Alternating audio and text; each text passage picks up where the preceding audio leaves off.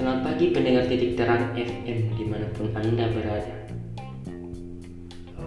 Jumpa lagi dengan saya, Rusdin, dalam titik terang news pagi. Sejumlah berita hangat telah kami siapkan untuk Anda pagi ini. Di antaranya, kelompok kriminal bersenjata tembak tukang ojek di Puncak, Papua. Kelompok kriminal bersenjata menembak tukang ojek di Eromaga, distrik Omitia, Kabupaten Puncak, Papua pada hari Rabu 14 April 2021 sekitar pukul 13 lewat 00 waktu Indonesia Timur.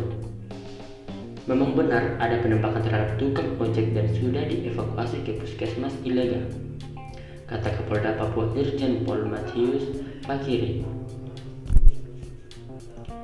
Kapolda membenarkan adanya penembakan terhadap Udin 41 tahun yang berprofesi sebagai tukang ojek di kampung Eromaga.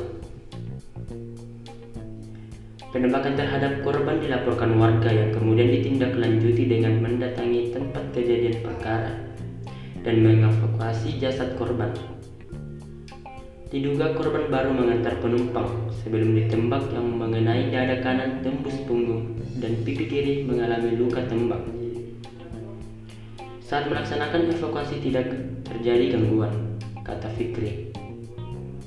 Seraya menambahkan, aparat keamanan TNI, Polri yang ada di saat ini bersiaga untuk mengantisipasi aksi susulan.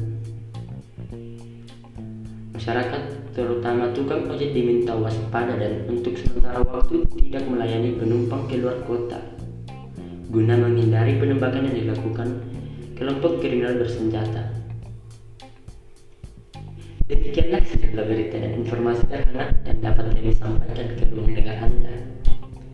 Selamat pagi, selamat beraktivitas dan sampai jumpa.